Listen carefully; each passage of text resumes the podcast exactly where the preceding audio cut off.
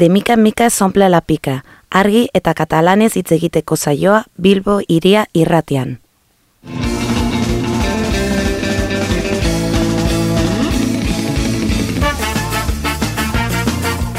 Bona tarda, Albert. Estem parlant de que la llei d'estrangeria mata i arruïna vides.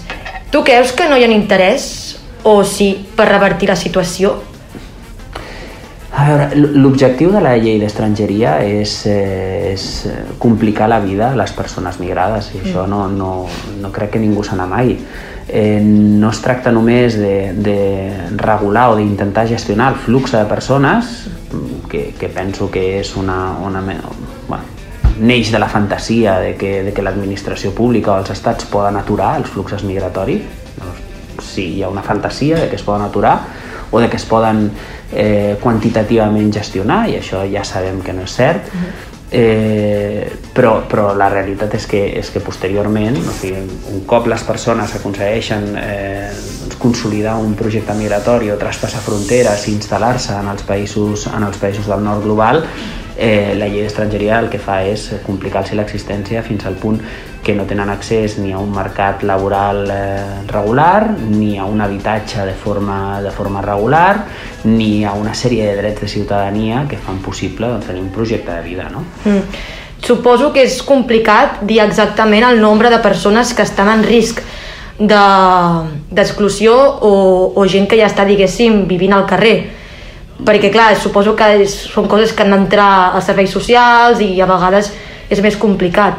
Però podries donar l'aproximació de quantes sí. persones són? A veure, hi, hi ha un problema amb els nombres absoluts, que és que eh, ens costa molt quantificar els fenòmens d'exclusió social perquè precisament són fenòmens eh, que, que succeeixen al marge de, del, de la institucionalitat establerta. No? Per tant, ens seria molt complicat saber quantes persones hi ha vivint en les grans ciutats eh, catalanes o espanyoles eh, sense permís de residència, sense permís de treball. Aquesta dada no, no existeix. Es poden fer aproximacions, però no existeix. D'aquesta, saber quantes estan en situació d'exclusió social social o de, o de pobresa o, o tenen uns ingressos per sota el llindar de pobresa ja seria eh, extremadament complicat. O sigui, tenir una xifra és, extre és extremadament complicat. Ara bé, el que sí sabem és que en les situacions d'exclusió de, de, social severa, d'alta vulnerabilitat, tenim una sobrerepresentació molt gran de persones migrades. No?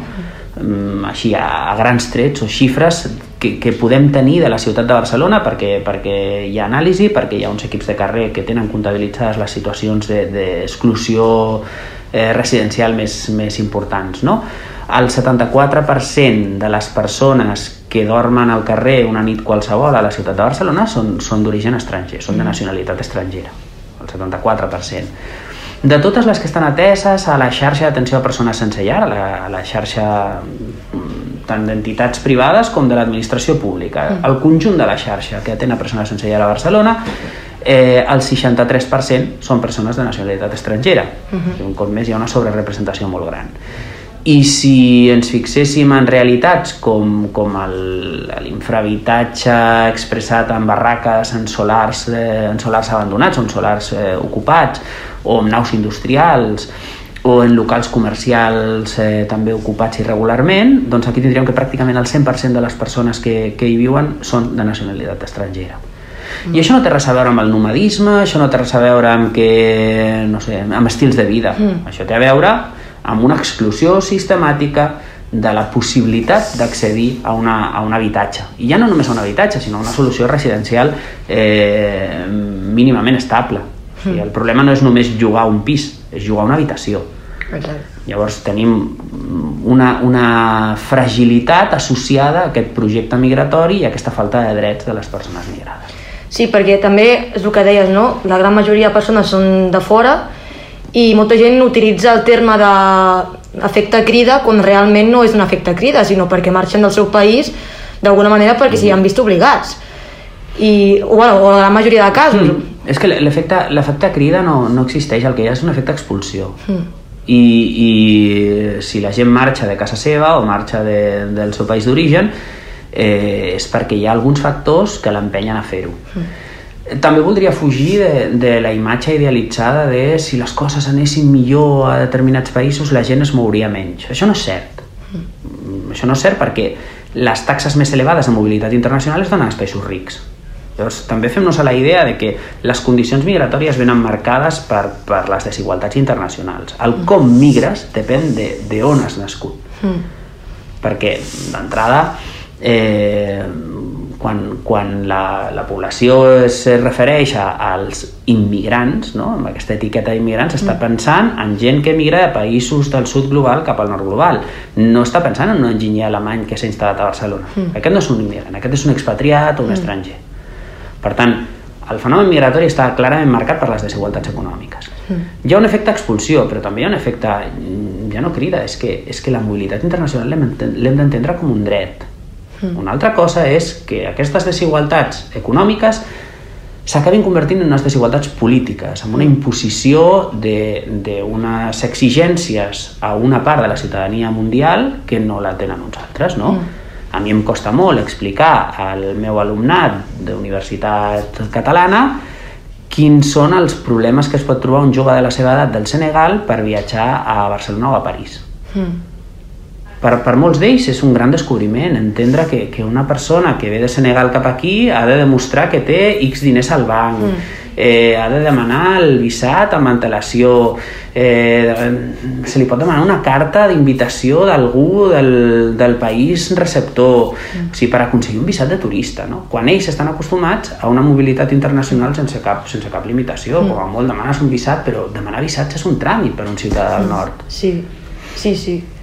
Per tant, L'efecte crida, però no hi ha efecte crida, hi ha efecte, efecte expulsió, hi ha unes condicions que expulsen gent i veiem el, el, les tragèdies associades a, a, als fenòmens migratoris causats per les guerres o, pel, o per l'emergència climàtica, però també veiem que, que en el moment en el que hi ha creixement econòmic en països, de, en països del sud global, el creixement econòmic impulsa encara més migració. Mm.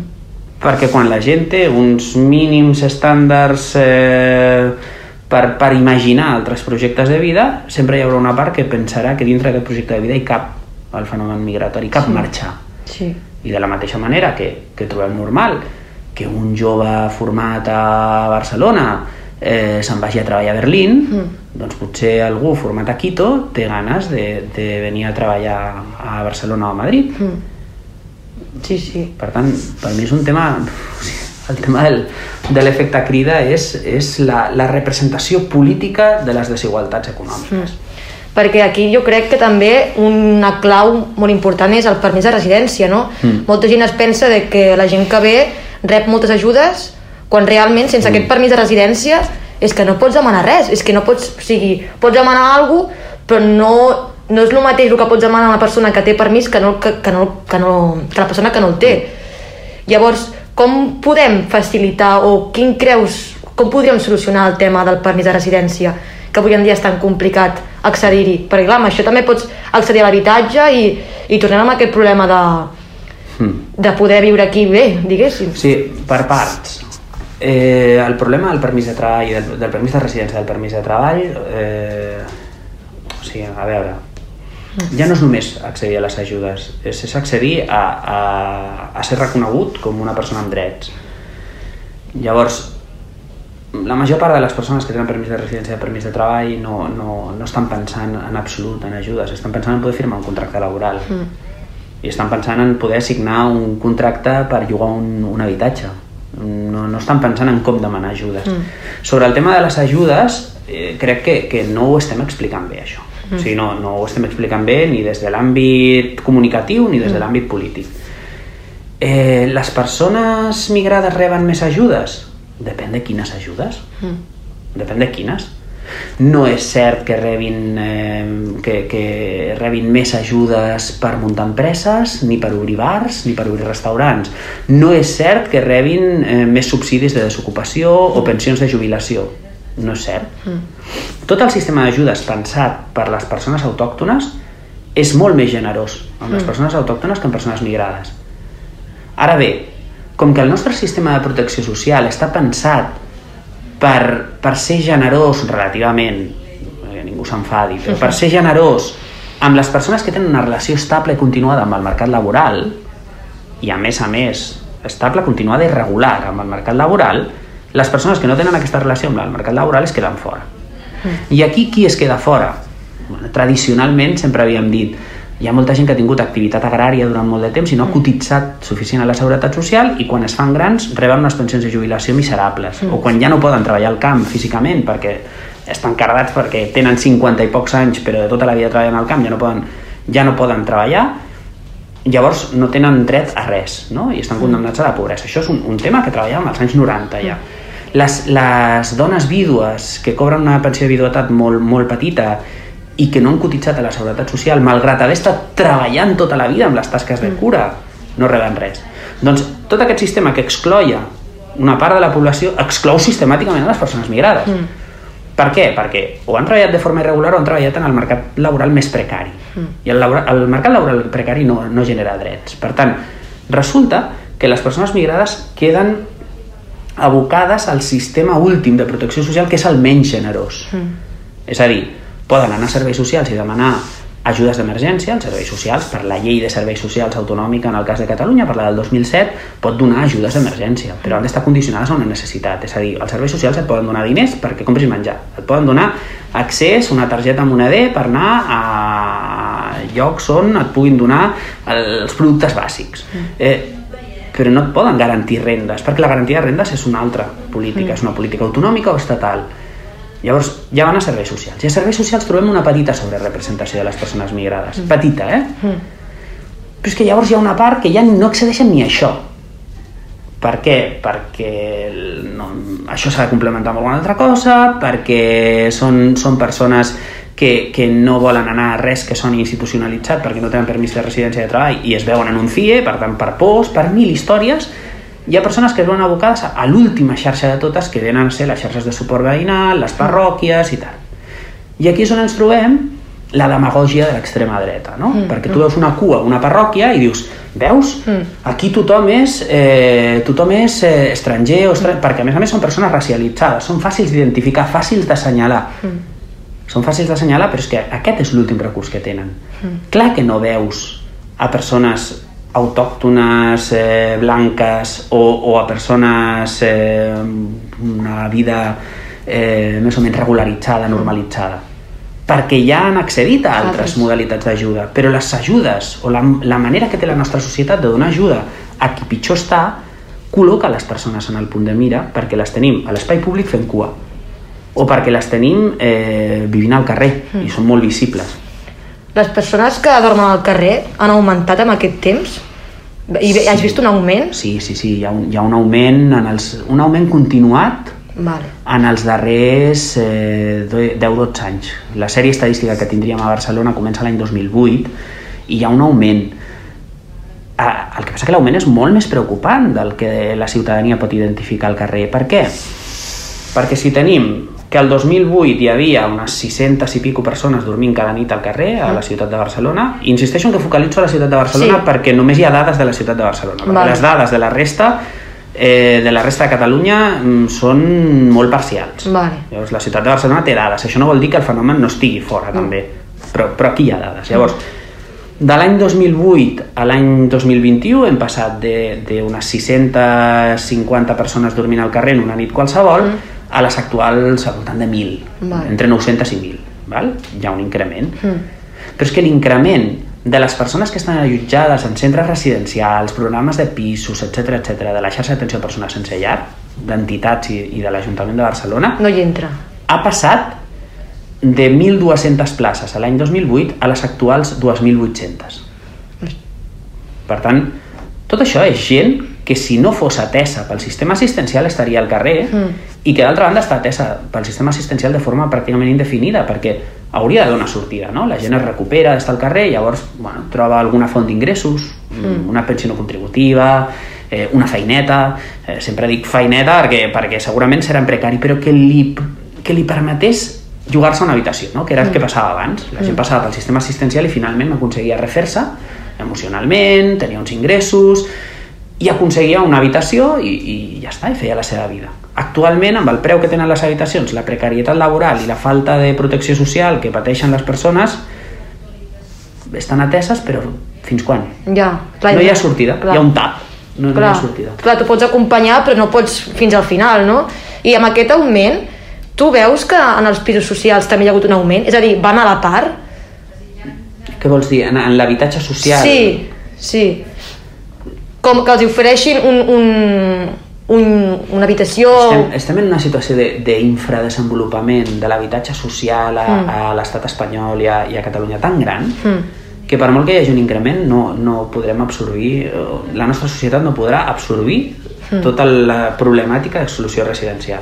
Ostres. Perquè mentre altres metròpolis europees eh, l'habitatge social de propietat pública i que es posa a lloguer, a lloguer social significa doncs, un 15%, un 20%, en el cas de Viena estem parlant de, de, de que pràcticament la meitat del, del parc d'habitatge de la ciutat és, és habitatge públic social mm.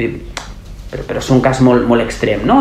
l'habitual a les metròpolis europees és un 15 lo recomanat per la Unió Europea és un 15 aquí estem a un 1, un 1,5% del parc Buah. L'Ajuntament de Barcelona porta anys, eh, porta des del 2015 fent créixer aquest parc, Mm. però fent-lo créixer No és mínim. bueno, la construcció no és una política pública que es pugui, que es pugui desenvolupar ràpidament. Ja. Llavors, bueno, sí. Hi ha una mica més? Sí. Mm. Hi ha una mesa d'emergències eh, per, per atendre les persones desnonades enorme amb llista d'espera? També. Mm. Llavors, quan, quan tu tens una... Pre... O sigui, quan, quan tenim una àrea metropolitana i una ciutat amb, amb el ritme de desnonaments i de llançaments per impagament d'hipoteca de lloguer tan gran, que, que et genera una mesa d'emergències que té una llista d'espera de mesos, cap la possibilitat d'oferir una sortida a les persones ateses pel sistema d'atenció a persones sense llar, una sortida a l'habitatge, ho veig difícil Mm. ho veig difícil perquè les persones ateses en el, pel sistema d'atenció a persones sense llar finalment el que s'espera d'elles és que aconsegueixin uns mínims ingressos i es joguin una habitació Ja. Ja. llavors és un circuit a part van per un circuit a part i és el circuit de la marginalitat Mm. afegeix-li a més a més que com deia abans un 74% de les persones que dormen al carrer són de nacionalitat estrangera, un 63% de les persones ateses són de nacionalitat estrangera, de totes aquestes eh, aproximadament un 20, 20 i tants per cent són, estan en situació d'irregularitat, Mm. hi ha una altra part que tenen permís de residència però no de treball, hi ha, hi ha tota una casuística amb l'estrangeria que fa que encara sigui més complicat Mm. accedir a una, a una habitació. Ja. Clar, perquè ara, a més a més, han posat els preus als lloguers. Després, fa poc, van com aconseguir un pacte, però que el sindicat de llogaters van, diguéssim, criticar perquè o sigui, era des de les empreses, no dels propietaris, que és la gran majoria, no, el, també els pisos que hi ha. Tu creus que l'augment de preu de lloguer a Barcelona fa que hi hagi encara més gent amb, amb un risc de- d'haver-se obligada d'ocupar o de marxar? L'increment, no, l'increment, sí, sí, sí, per, per descomptat. L'increment dels preus de, del lloguer té una relació directa amb, amb el fet que hi hagi gent en situació d'infrahabitatge i de precarietat habitacional. Mm. Té una relació directa. O sigui, el lloguer de pisos es converteix en una sortida només a l'abast de persones amb uns ingressos més o menys estables Mm. i, i elevats. Llavors, hi ha una part de la població de la ciutat de Barcelona que no es mourà de Barcelona. Aquesta història d'alguns representants polítics de la dreta o alguna gent de, de, del món empresarial dient bueno, però això són les lleis del mercat, que la gent se'n vagi a viure a la segona corona metropolitana, que a, a Montcada o a Cerdanyola s'està molt a gust, no? que va dir un senyor fa, fa relativament poc. Eh, això és no tenir en compte que hi ha una part de la població que no es pot permetre el luxe de moure's constantment i que prioritzarà estar a prop de les feines eh, precàries que pot obtenir a la ciutat de Barcelona encara que sigui a costa d'estar en situació d'infrahabitatge. Mm. Llavors, jugaran en una habitació o en un pis eh, hi haurà una família en cada habitació eh, subsistint com pugui mentre té a prop o relativament a prop la feina precària que li dona per viure i per enviar una mica de diners a la, a la seva família o per buscar alguna sortida perquè les seves criatures doncs, almenys puguin tenir uns estudis i puguin tenir un, un futur millor al seu. Mm. I aquesta és la realitat d'infrahabitatge de la major part de les metròpolis de, del, europees, nord-americanes i canadenques, no? del, del nord global. Eh, hi ha una part de la... O sigui, la, les ciutats es polaritzen. Mm.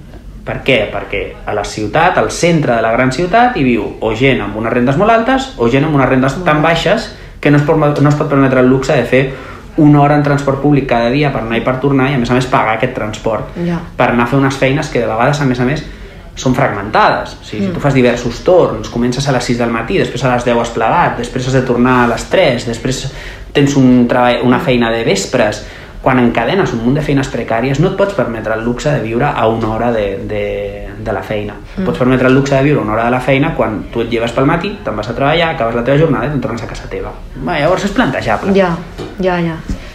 Llavors, entenc que tots aquests brindis al sol d'enviar de, la gent a viure fora de la ciutat, perquè ja se sap, les lleis del mercat fan que la ciutat sigui mm. més cara, és no entendre que això provoca un infrahabitatge que després aquesta mateixa gent rebutja, mm. perquè ho veu com a font d'inseguretat, o després passen tragèdies com la de la plaça Tetuan de fa unes setmanes mm. i eh, no sé, surten els mateixos que promouen a, aquest sistema depredador d'explotació de, de dels recursos dels que estem pagant lloguers, no? Mm. Aquests mateixos són els que diuen que s'ha d'erradicar de, l'infrahabitatge. Mm ja. I per ells erradicar l'infrahabitatge significa agafar la gent i fotre ah. directament al carrer. Ja. T'has trobat amb casos amb gent que tingui feina però que, que, surt, que, sí, que estigui visquent al carrer? Sí, repartidors, eh, repartidors de les diferents empreses de delivery sí? al carrer n'hi ha. Sí, sí, sí.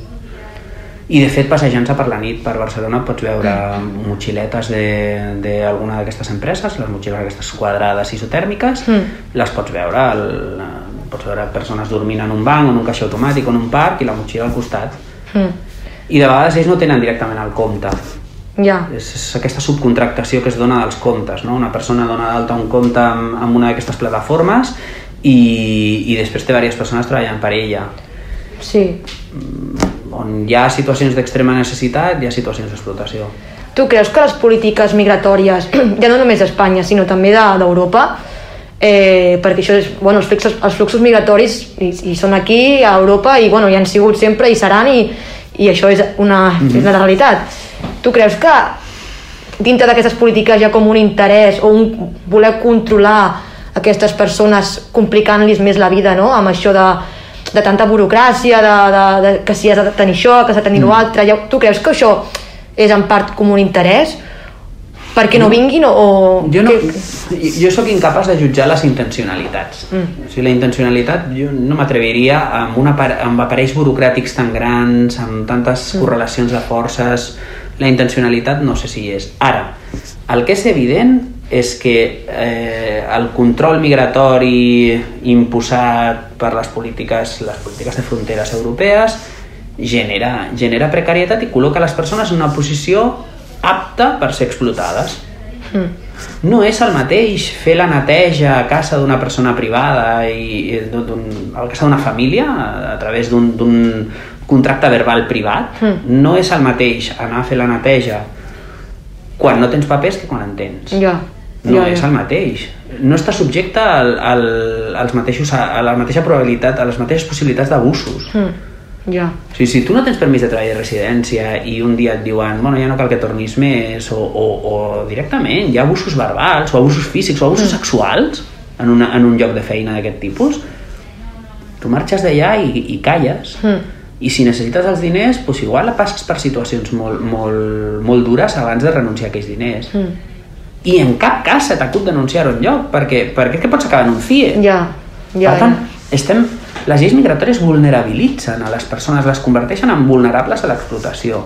Després ens sorprenem de que això, de que hi hagi locals ocupats eh, i indaguen alguns periodistes i diuen és que a més a més aquesta família per estar en aquest local que era d'una entitat bancària i tal va pagar 700 euros i dius, clar, va pagar 700 euros i, i, i no sé, i, de vegades se'ls demanen més diners inclús ja. però és que si poguessin accedir a una, a una habitació o, o, a un, o a un pis haurien de pagar molt més ja. I sí, què, sí. Què, què has de pagar avui per entrar en un, en un habitatge mínimament digne en una ciutat? És que no només has de pagar el lloguer cada mes, és que has de pagar els honoraris de, de l'administrador de finques, mm. eh, assegurança, eh, el, la fiança, mm. o sigui, has de disposar com a mínim de quatre vegades el, el, el preu del lloguer mensual. Sí, Això sí. per començar.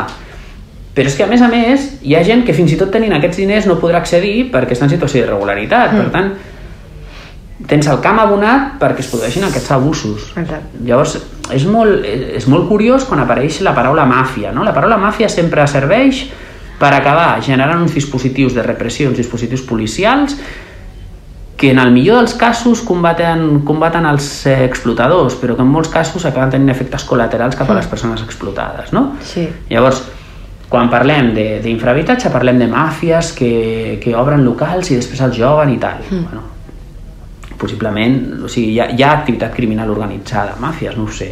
Mm. Després les màfies de la, la venda de cites a la delegació del govern per, per tramitar permisos de, de residència mm. de treball. I, home, és que si les cites de la delegació del govern es donessin amb Quan? temps suficient com perquè la gent pogués fer els seus papers a, a, a temps i no caiguessin en situació d'irregularitat a causa de que es demoren les cites, igual no hi hauria màfies. Exacte.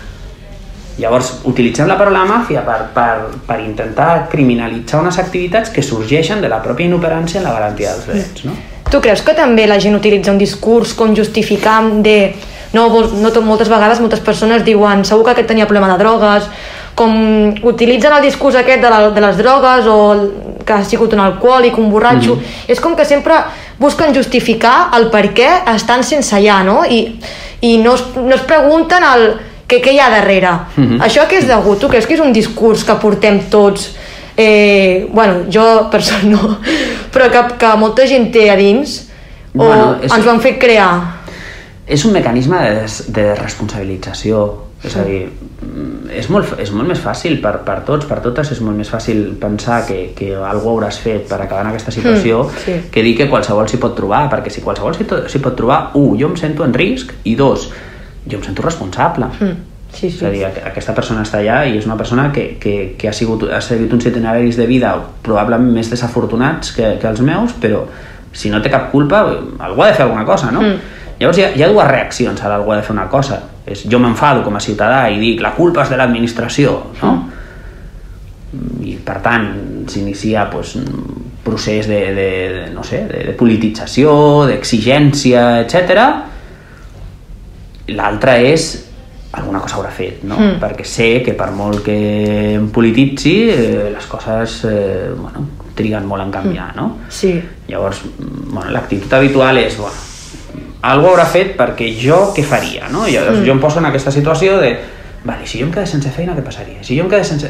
Al final, la meva família trauria recursos d'aquí, faria això, faria allò. Per tant, aquesta persona entén que algú haurà fet perquè la seva família el rebutgi, algú haurà fet perquè la situació es cronifiqui, algú Mm. haurà fet per no trobar feina, algú Mm. haurà fet... I, i de fet la, la llavor de, de la porofòbia, de l'odi de l'odi a, a les persones en situació de pobresa o, o la llavor d'aquestes eh, actituds discriminatòries eh, està en, en, en certes actituds eh, o en certes creences com la creença en la meritocràcia, Mm. la creença en l'esforç individual com a forma de solucionar els problemes socials, Mm. no? I això està inscrit dintre del, de la ideologia hegemònica neoliberal, no? Sí. Si tu t'esforces, tiraràs endavant. No, no és veritat. Ja. No és veritat, no tothom, i no, no tothom parteix de les mateixes condicions, i, i per tant entenc que, que d'alguna manera aquesta llavor, aquest, aquest germen de, del, de les assumpcions aquestes discriminatòries el portem tots i totes, Mm. del que es tracta és d'explicar que hi ha unes causes estructurals que afecten de manera molt desigual. Sí. I ja per acabar, eh, he vist que, per exemple, ara hi ha una crida de gent voluntària per fer un recompte de les persones sense llar, crec que era des de la web de Sense Llar de Barcelona, jo per la gent que ens està escoltant i què, què podríem fer, no? Eh, imagino que no a nivell estructural poca cosa, Mhm. o sí, no sé, jo, jo t'ho jo t'ho plantejo, què podríem fer, no? Eh, donar mantes, portar menjar, què és el que podríem fer? Mm. Sí, si algú està interessat en ajudar, com ho podríem fer? Lo, de, lo del recompte crec que, que... Bueno, això va ser el maig. Ah, vale. Va, va, Vale, vale, va, vale. Està lluny. Vale. I lo de... I, i això de... Sí, és evident que, que si ens commou una situació, pensem individualment jo què puc fer. Ahà. És- I, i, I crec que és una actitud molt humana el pensar que, que podem fer individualment. Individualment, probablement, el millor que podem fer és tractar les persones com a persones. Mm. I tractar les persones com a persones significa que quan que, que puc, puc destinar un temps a, a parar-me a parlar i a entendre la vida d'aquella persona. I, I puc destinar un temps, no sé, si, si, a escoltar què necessita. Sí. El que, el que jo trobo que és, eh, també és una actitud natural, però que crec que, que l'hauríem d'anar o sigui, l'hauríem de posar en quarantena, no? És donar per fet que jo sé el que necessita una persona, no? Mm. I llavors poso, poso, poso exemples, no? Mm.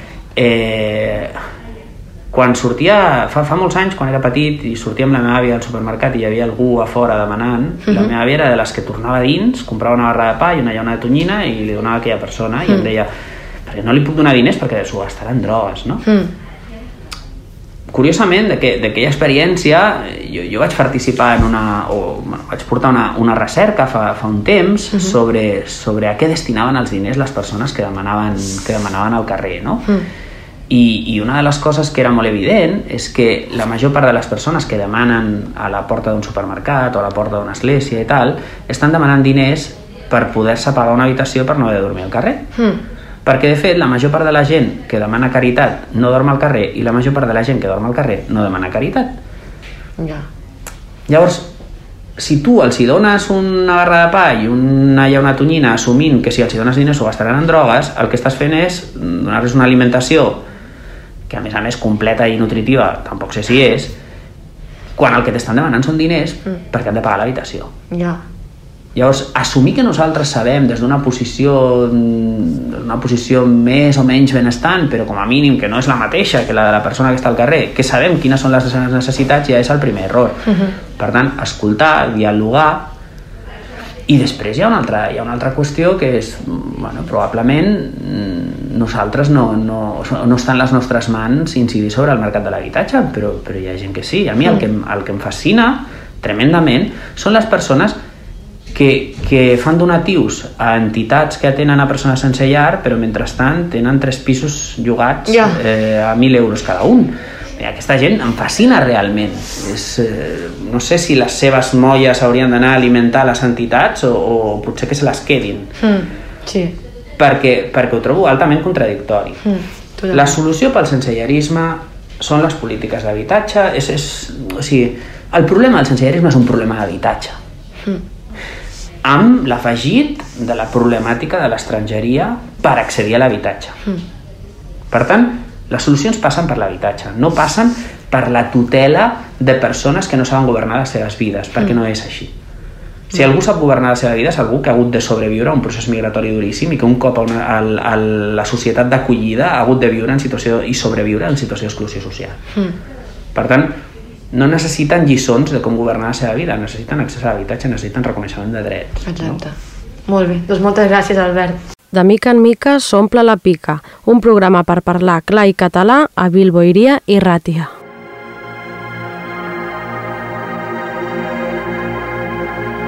Denominació d'origen amb Marcel Pena. Benvinguts un any més al Denominació d'origen, la secció musical del De Mica en Mica. Esta setmana viatgem al nord del país per parlar de blues de Picolat, grup de blues de Perpinyà format l'any 1992 i dissolt el 2018.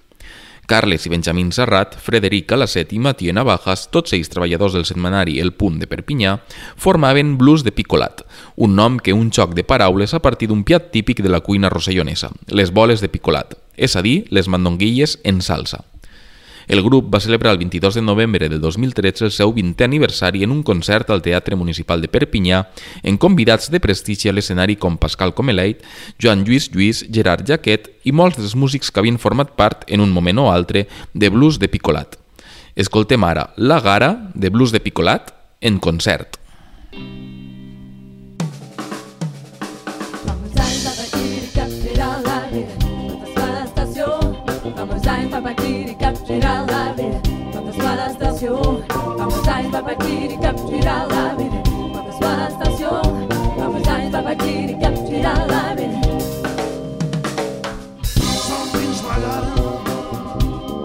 Assentat a l'únic banc. Glaçat com a les vies, els peus dins el fang. Somriure de veure amb els trens que arribaran.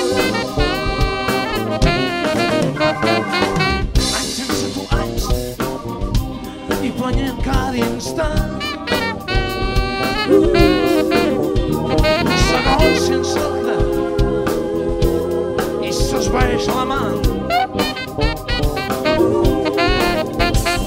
El dia plegueix, l'estómac cremant.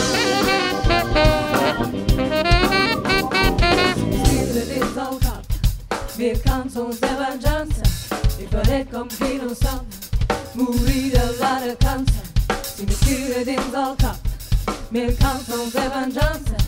i faré com qui no sap morir de la de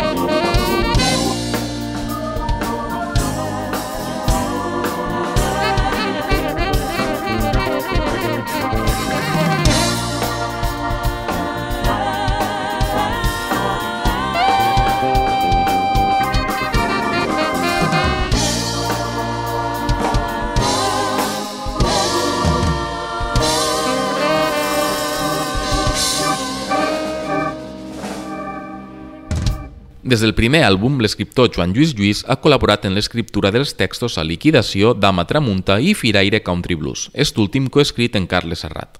El CD va guanyar el Premi de l'ESGAE Radio 4 de l'any 1997 en la categoria Primer àlbum. La seva contribució creix en el segon àlbum, Carrer de l'Àngel, ja que l'autor de les lletres de 6 de les 13 cançons. El periodista i escriptor Aleix Renyet també hi contribuís en un text. Carles Serrat escriu els altres 5, entre ells diumenge a la tarda. En el tercer àlbum, Dona del Camí, estos dos autors ofereixen dos textos cadascun. Som-hi ara en Cansat, cançó del disc Dona del Camí, de Blues de Picolat.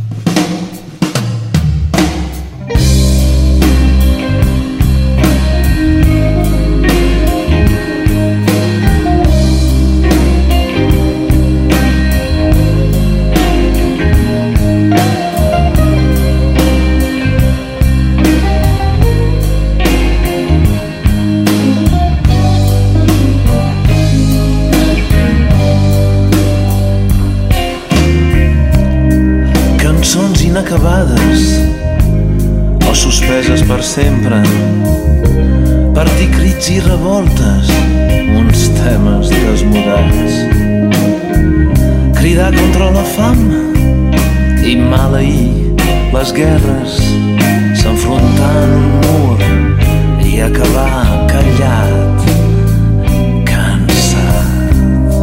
Cançons d'amor per dir massa fàcils tendreses. L'amarg regust del ple i el cos fatigat i la melancolia d'aquesta carn malmesa aquests focs d'artificis sovint petards mullats cansat cançons de guerra que alimenten tot l'odi garantia pels homes de llur virilitat. Quan per sort no hi ha guerra, les porten als estadis, a la nit en els pàrquings o en els boulevards. Cansat. Cançons en una llengua guapa com un crepuscle que guardem com es guarden un vell plat escardat.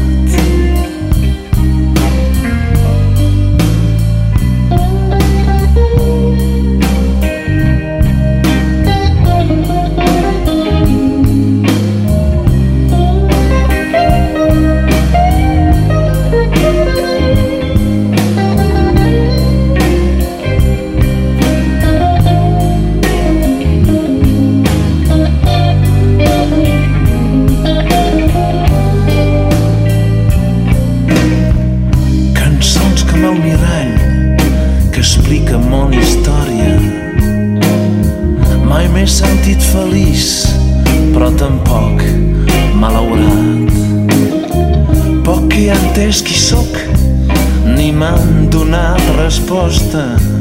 Sovint, en els meus somnis, tanqui una porta.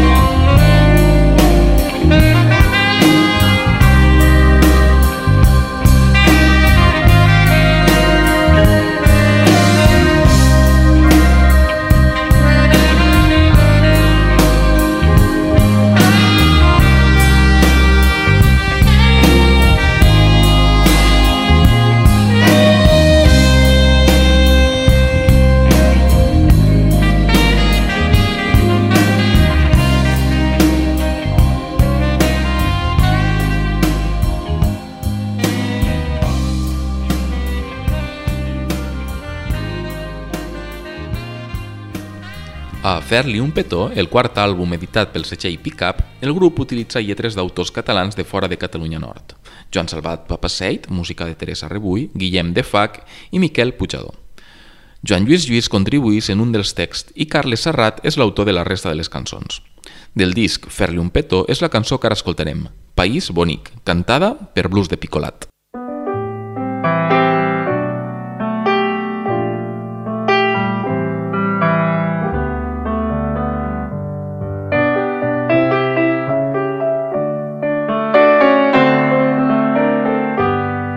Era pas bonic el meu país? Bufades glaçades i estius estofants. Flaire de poma a casa dels avis. La sopa xarrupada, el fricot cremant.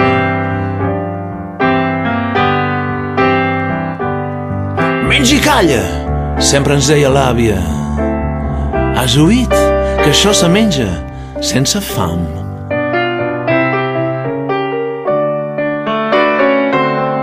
Quillats en un corn de la remorca, a la cope els abricots collits. Espartinars amb una rusta, cambajú i pasta de fruits.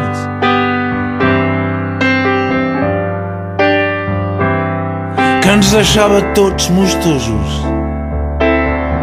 mm, fins que anàvem cap al riu.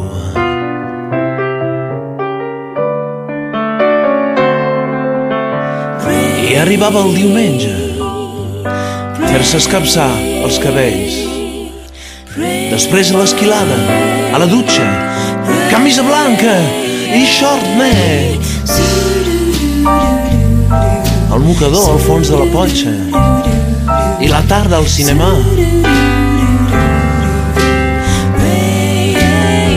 S'amusar, espiar les nines, fent els fiers, esperant l'endemà.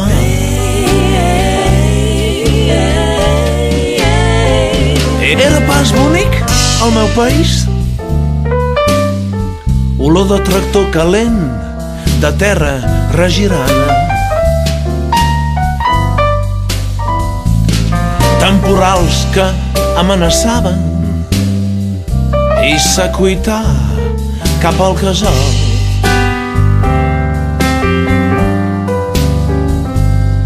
Com tot canvia, Déu nos guard. No hi ha pas res com abans.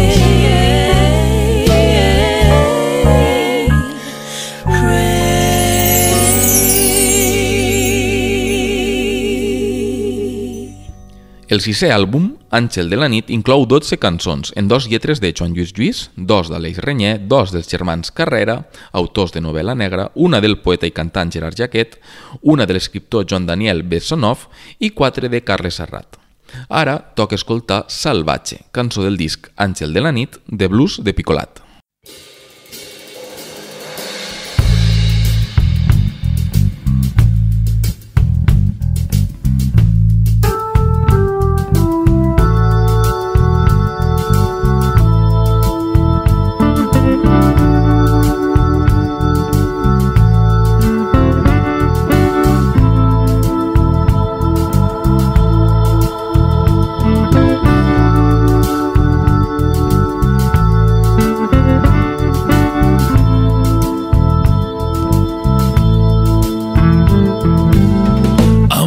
ets tan salvatge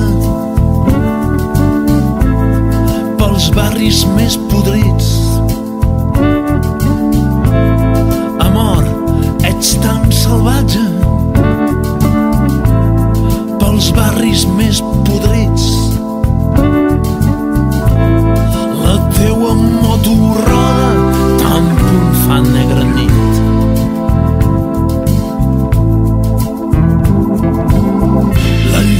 Giurca, de per tot. Tu t'anguiles en el teu vestit. És tan curtet a baix com a dalt. Oh, quan t'inclines, regala el pit.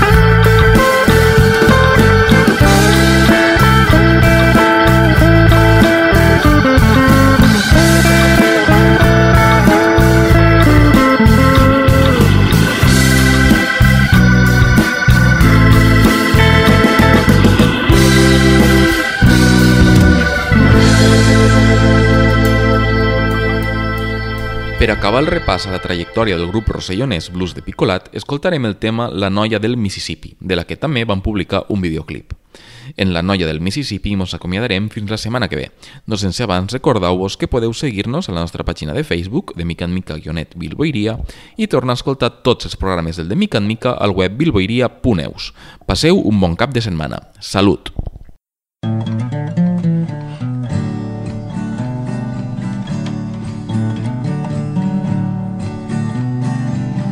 Vorejant el Mississippi on flameja un sol d'or cercant alhora el misteri de la música i de l'amor. La sirena de pell colorada que trasllueixa davant meu m'ha clavat el blues a l'ànima la veu. És la noia del Mississippi que tants anys he somiat al camp. Melodies infinites i d'encant. I'm the girl of Mississippi. For you, I will be the guide across all my hunting country. You'll be always by my side.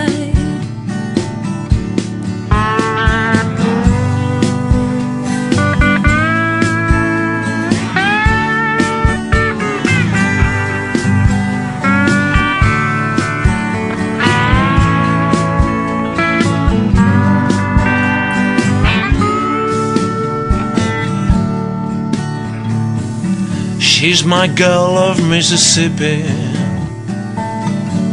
In the darkness of her eyes, I read how her people's spirit is so bright. I will come back to Mississippi, thousand miles from my home.